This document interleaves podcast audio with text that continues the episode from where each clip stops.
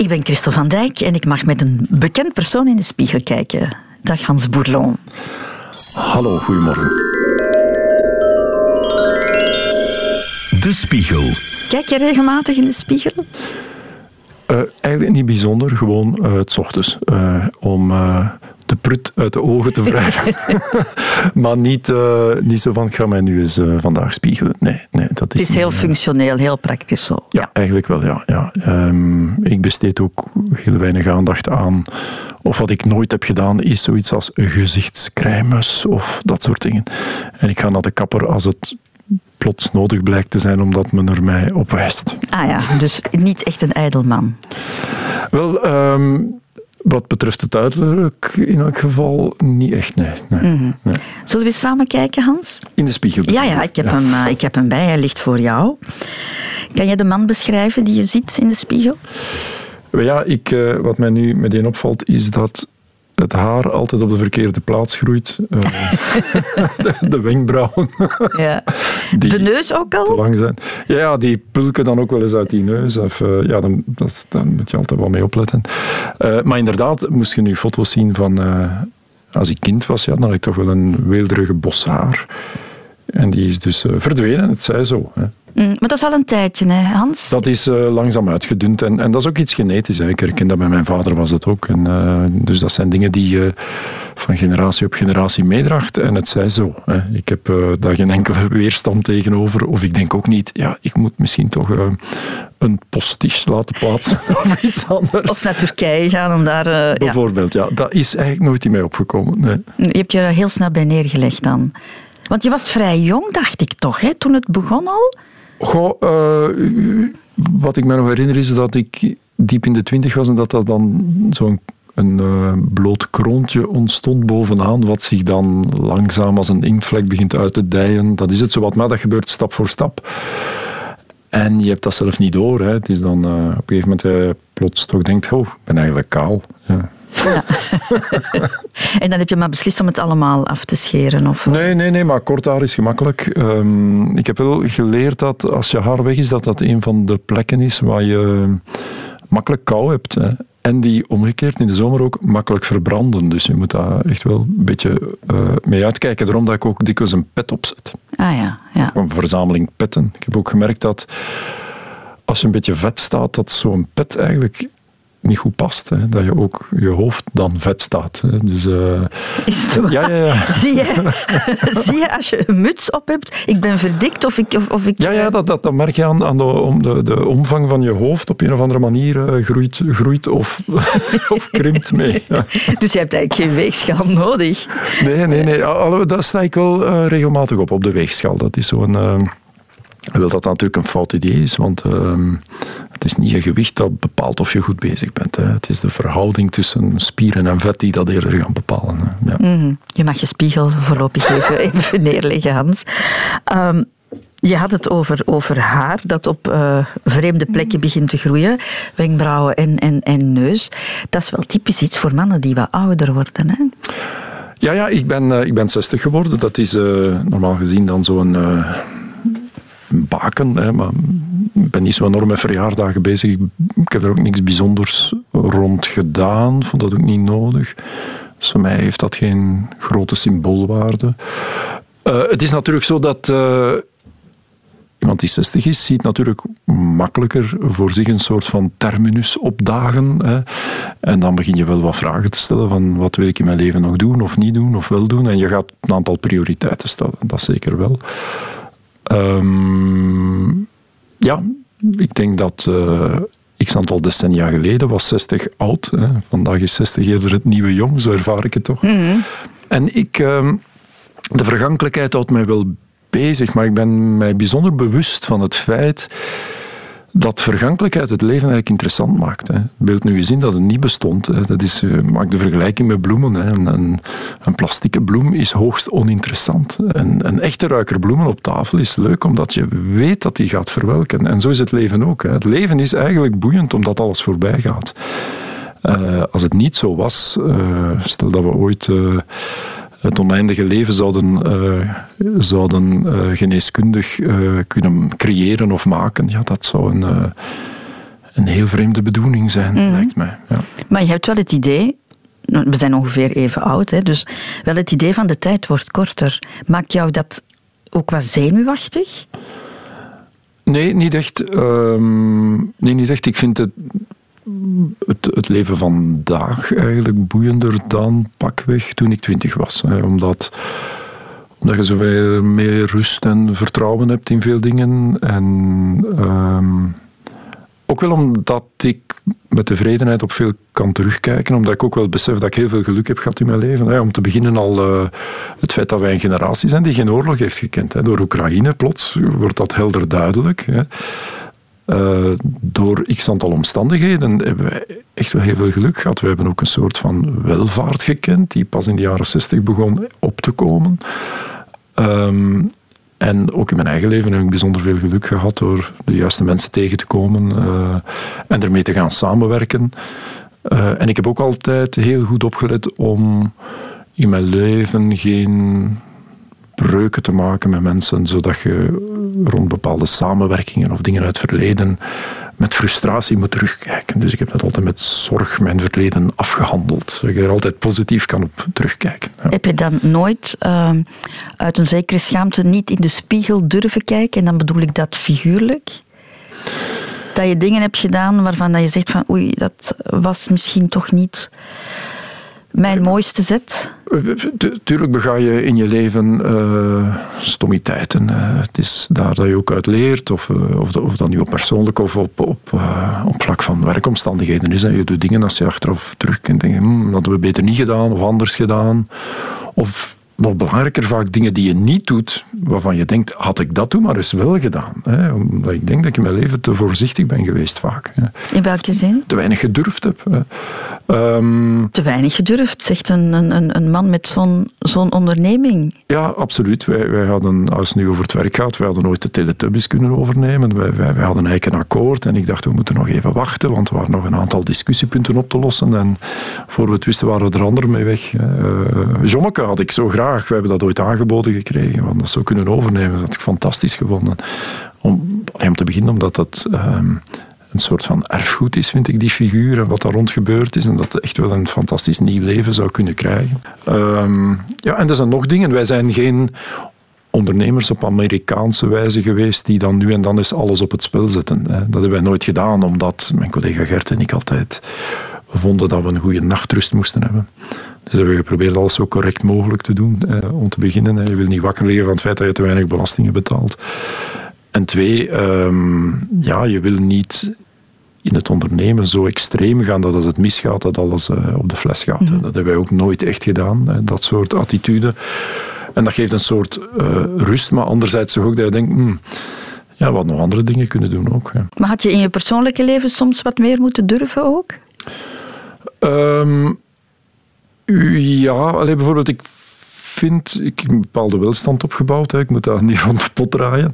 Uh, ik vind dat ik er altijd heel voorzichtig in geweest ben als het gaat over geld uitgeven. Hè. Ik, ben, vind vandaag uh, zeker zeer, uh, zeer loyaal. loyaal en ik spendeer met plezier geld, omdat ik er ook niet al te veel belang aan hecht. Minstens aan het geld dat ik persoonlijk bezit.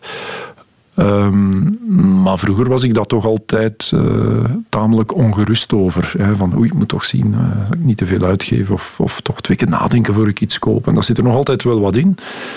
Um, maar anderzijds, uh, ja. Maar kan, dat is jouw karakter dan? Ja, maar dat je is... kan met geld echt wel dingen doen die relevant zijn. meer dan zomaar dure dingen kopen, of nu over kleren gaat of whatever. Maar je kan met geld ook echt wel andere dingen doen. Hè. Uh, en, en daarin ben ik altijd te voorzichtig geweest. Ja. Zijn er karaktereigenschappen, Hans, die je in de spiegel uh, ziet? Ik ga nog eens kijken. Men zegt, men zegt me altijd dat ik een droeve trek rond mijn mond heb. Um, ik weet niet of dat zo is. Dat is een opmerking die ik wel eens krijg. Um, ja, het zou kunnen. Ik heb ook een putje in mijn kin. Hè. Die heb ik, dat heb ik geërfd van mijn vader. Um, dat schijnt een van de zoveel schoonheden te zijn. Hè. Een putje? Ja.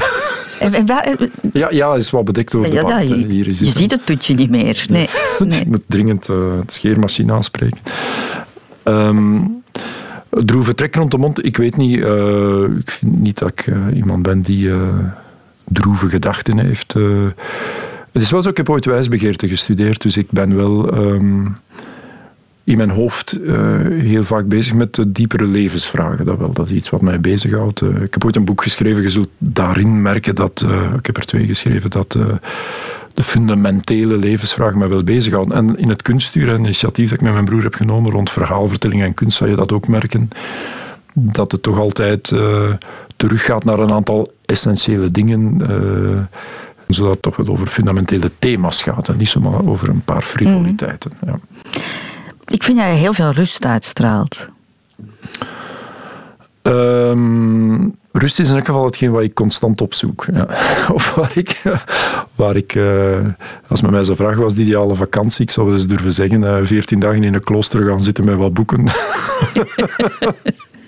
Is het echt, ja? Ja, dat is iets... Uh, ik, ik, ben, ik ben een... Um, dat is een afwijking, een boekenkoper. Ik heb, uh, ik denk, op vier verschillende plaatsen bibliotheken. uh, omdat ik er al ooit zoveel gekocht heb in mijn leven, er ook moeilijk afstand kan van nemen. Dat zijn allemaal boeken waarvan ik denk, later zal ik ze nog wel lezen. Maar later is een gevaarlijk woord als je 60 bent. Uh, ik heb mij ooit een volledige Russische bibliotheek gekocht. Een gigantische. Omdat ik in mijn jeugd die dingen wel gelezen heb, omdat die aanwezig waren bij mijn grootouders. en ehm, ik was een heel vroegrijpe lezer. Op je 16 kun je echt, echt dingen lezen met heel veel personages. ik zou het vandaag veel moeilijker ermee hebben om die focus te leggen. Ehm, en ja, in boeken staat toch heel veel fundamenteel, veel wijsheden enzovoort. Maar ik heb toch ook geleerd, en zei ik vooral via de scouts, dat naar buiten komen. Um, buitenstappen met andere mensen samen iets doen uh, mij eigenlijk beter lag dan de schriftgeleerdheid. Ja, ehm, maar er zit wel een beetje een kluizenaar in jou. Uh, uiteindelijk wel, ja. Een fundamentele reflex daar naartoe altijd om te bezinnen en de, ja, de ultieme beweegreden van dingen te gaan zoeken. Uh. Maar de rust die jij uitstraalt, voor mij dan toch, heb je die ook diep in jou? Heb, bezit jij een innerlijke rust? Ik denk dat wel, ja. ja, ja. Heb je dan ook de indruk, Hans, dat je een soort uh, rots in de branding bent voor, voor heel veel mensen? Als er conflicten zijn of als er iets, iets, iets niet goed gaat, dat, dat, je, dat ze meteen naar jou kijken om, om, om een oplossing te vinden? Wel, ja, ik heb in het verleden toch vaak midden in de problemen gaan staan en, en, en die proberen te absorberen en, en, en, samen tot een oplossing te komen. In jezelf ben je altijd een combinatie van je vader en je moeder. Hè. Mijn vader was altijd een heel rustige mens die nooit een woord luider zei dan een ander. Die, uh, die ook alles heel ordentelijk deed. Mijn moeder meer, eh, ook langs die familietak, meer emotioneel, uh, ook meer artistiek. Eh, een broer van haar was een schrijver, heeft veel toneelstukken geschreven, tv-series ook. Nog een andere was een pastoor-dichter. Ehm, dus je bent altijd toch wel, als je daar heel goed over nadenkt, een combinatie van die twee die je vermengt, uh, of waar je mee moet omgaan. Hè. En, en, die heb ik wel niet meer maar dat rustgedeelte van mijn vader is er zeker één. Ja. Zie je een zelfzeker man in de spiegel, Hans? Um, ondertussen wel, ja. Vroeger zeker niet. Hè. Dat is typisch als je jong bent, uh, zijn er zoveel keuzes die je moet maken, zoveel dingen die je voorliggen, die, uh, die uh, een leven onduidelijk maken. Hè. het leven is toch vaak een beetje zoals een boom. Hè. Het start en je hebt heel veel vertakkingen. Je gaat een bepaalde richting uit en, en je hebt op een gegeven moment ook niet door als je op zo'n splitsing staat van zo'n tak. Hè. Maar zo'n richting die je dan uitgaat, sluit heel veel andere takken weer uit. Hè. Je gaat in die richting. En uiteindelijk zijn in uw leven op een gegeven moment wel de fundamentele keuzes gemaakt. Het bijzondere vind ik dan toch altijd als je erop terugkijkt, dat die splitsingen, die belangrijke momenten staan niet op de foto. Uh, dat zijn momenten die ook overkomen. Ik geef een voorbeeld als het nu over iets professioneel gaat. Um, ik was actief bij de Scouts. En er was een meisje bij ons, wiens vader op de jeugdafdeling van de VRT werkte, Lambert van de Zijpen, man is al lang overleden. Uh, zo kwam ik als losse medewerker plots bij de VRT terecht, omdat die man zei, jij kan iets anders dan bij die scouts, wist ik veel. Uh, dat is een soort zelfontdekking. Was die man er niet geweest? Ik dacht altijd, kom wel in de sociale sector of zo terecht. Uh, eerste dag dat ik ga werken, stelt hij mij voor aan een jongeman van 18 jaar die uit een auditie kwam, Gert Verhulst. Eh, sindsdien werken wij samen. Dat had even goed totaal anders kunnen lopen. Maar het is wel de de attitude om in iets te geloven en er ook voor te kiezen, waar je natuurlijk het verschil kan mee maken. Ik zie soms mensen bij ons binnenkomen en ik denk, maar kom aan. Je hebt gegarandeerd talent, maar pak dat nu eens vast. Ga nu eens voor het beste.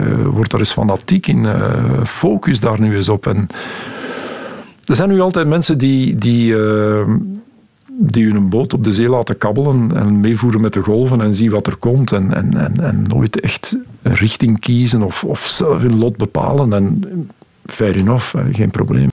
Uh, als je daar gelukkig mee bent. Uh, maar ik heb dat altijd wel wat anders geprobeerd. Om dat echt te sturen en keuzes te maken. En met andere dingen samen te doen. Ambities te stellen enzovoort. Dingen proberen. En als mens floreer je daaruit. Hè. Ik spreek wel eens op scholen over ondernemen. En dan zeg je dat altijd. Stel je tenminste de vraag of het niks voor u is, want het kan je als mens doen floreren. Zelfzekerheid, je vindt dat je dat uitstraalt. Um, ik ga het wat verder trekken. Straal je ook autoriteit uit? Dat is minder, denk ik. Uh, ik, ik, heb nooit als manager zo top-down dingen gedaan. Uh, Integendeel, ik geloof veel meer in, in uh, mensen die van onderuit in een bedrijf dingen aanbrengen, dingen doen. en ik ben geen strikte, strenge manager, ben ik in geen geval. Nee. Als mensen jou niet zouden kennen en ze komen jou op straat tegen, gaan ze niet denken dat is een grote ondernemer. Die... Nee, nee, dat denk ik niet. Um, ik, ik, ben er ook heilig van overtuigd. Binnen Studio 100, eh, binnen ons bedrijf floreer ik en, en, en bon, kan ik mijn, mijn, plek vinden en ben ik mee geëvolueerd met dat bedrijf. Maar stel nu eens dat je mij morgen de baas zou maken van een autofabriek of van een sigaren- of prikkeldaadfabriek. Ja, ik denk niet dat dat zou werken. Zou niet lukken? Nee, nee, ik denk, ik denk dat uh, dat een ramp wordt. Ja. Die zelfzekerheid, je, zei al van ik ben het nu wel. Hè. Vroeger was het minder. Ben je ooit een timiet jongetje geweest? Uh, zeer zeker. Uh, een beetje timide, vooral verlegen, uh, heel lange tijd. wat ik een goede eigenschap vind. zeer moeilijk te bepalen. Jonge mensen zijn dat te vaak. En dat heeft ook wel een tijd nodig om daar bovenop te geraken. En vooral door, als mensen verlegen zijn, moeten ze altijd wel heel erg beseffen dat andere mensen dat vaak charmant vinden. En op een gegeven moment merkte ik dat ik dat aan het gebruiken was.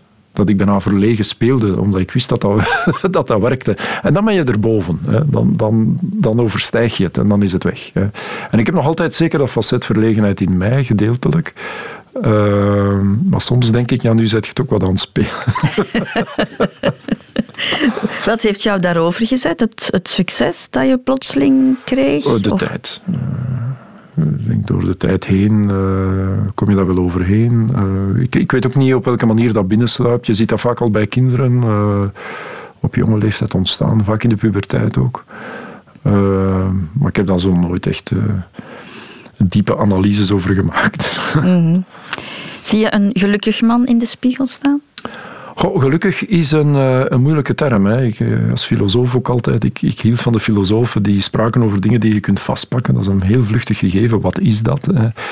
Is dat een, een uh, iets wat als definitie heeft dat je tevreden bent uh, dag in dag uit? Dan moet ik ja zeggen. Ik probeer achter een dag vaak eens een plus of een min te zetten. Hè.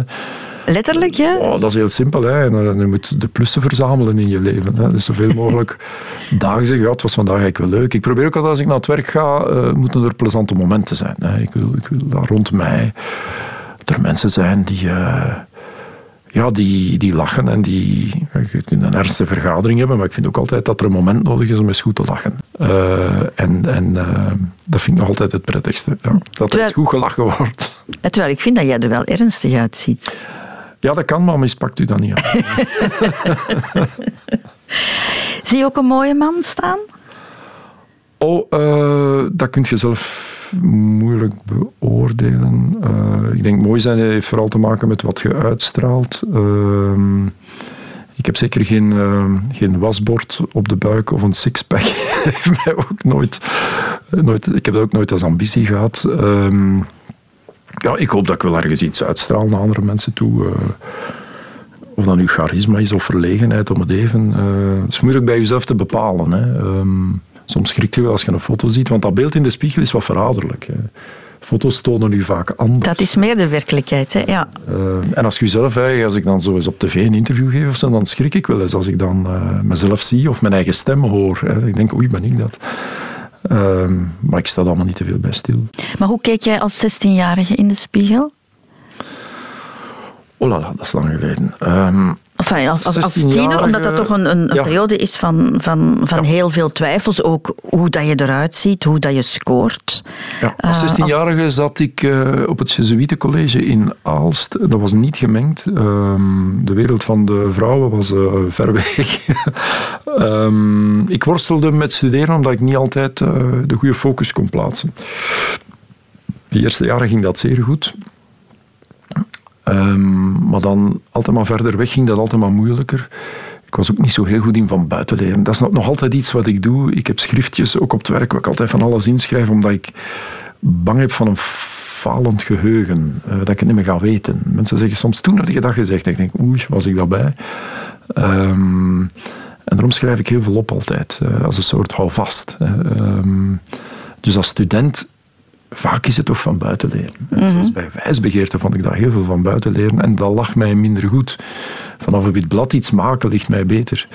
Um, en als 16-jarige ja, worstelde ik daarmee. Uh, verlegenheid was één ding, maar twee ook... Uh, ja, die school en het feit dat dat toch niet 100% mijn ding was. Zo'n college, Latijn, Grieks, elke dag woordjes van buiten leren, Grieks en Latijn.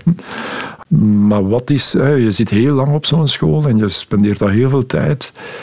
Ik vind dat er een gebrek is aan frivoliteit in zo'n periode, een gebrek aan um, ja, andere dingen doen en ook vooral ja, aanzetten tot creativiteit in zo'n school. Maar je hebt wel volgehouden. Ja, in die Latijn-Griekse ging dat wel. Wijsbegeerte was een pak moeilijker uh, voor mij. Uh, een beetje van hier naar daar, van Leuven naar Gent gegaan. En dan uiteindelijk in mijn licenties gestopt, hè, zoals dat toen heette. Dus ik heb het niet afgemaakt. Um, niemand heeft me ook ooit naar mijn diploma gevraagd. Nee, dat wordt nooit gevraagd. heb je daar dan geen spijt van nu, als je erop terugkijkt? Um, nee, uh, nee, nee. Wat ik wel spijt van heb, is dat ik uh, in Latijn-Griekse en dan wijsbegeerte eigenlijk nooit echt deftig wiskunde heb gehad. Dat ik nog altijd wegloop van cijfers. Mensen denken vaak dat als de man van studie 100 die met de cijfers bezig is. Dat is niet. Ik omring mij met mensen die dat wel kennen. Uh, nooit één uur economie of boekhouding gehad. Uh, dus ik heb me achteraf moeten serieus bijscholen. en ik heb dat ook echt wel gedaan, omdat zo'n bedrijf groeit.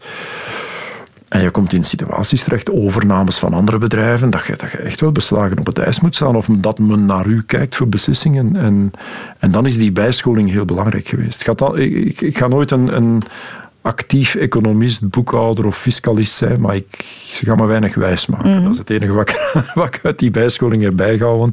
Ik kan het allemaal wel plaatsen en ik weet wel met wie ik mij moet omringen om mij de juiste dingen te vertellen. Laatste vraag Hans, um, wat vind jij het mooiste aan jezelf? En dat bedoel ik nu echt letterlijk. Als je naar je lichaam kijkt en je mag het van kop tot teen in bekijken. Het, puur uiterlijk? Ja. Um, ja, mijn lengte heb ik, ik ben een meter ondertussen wat gekrompen, 94.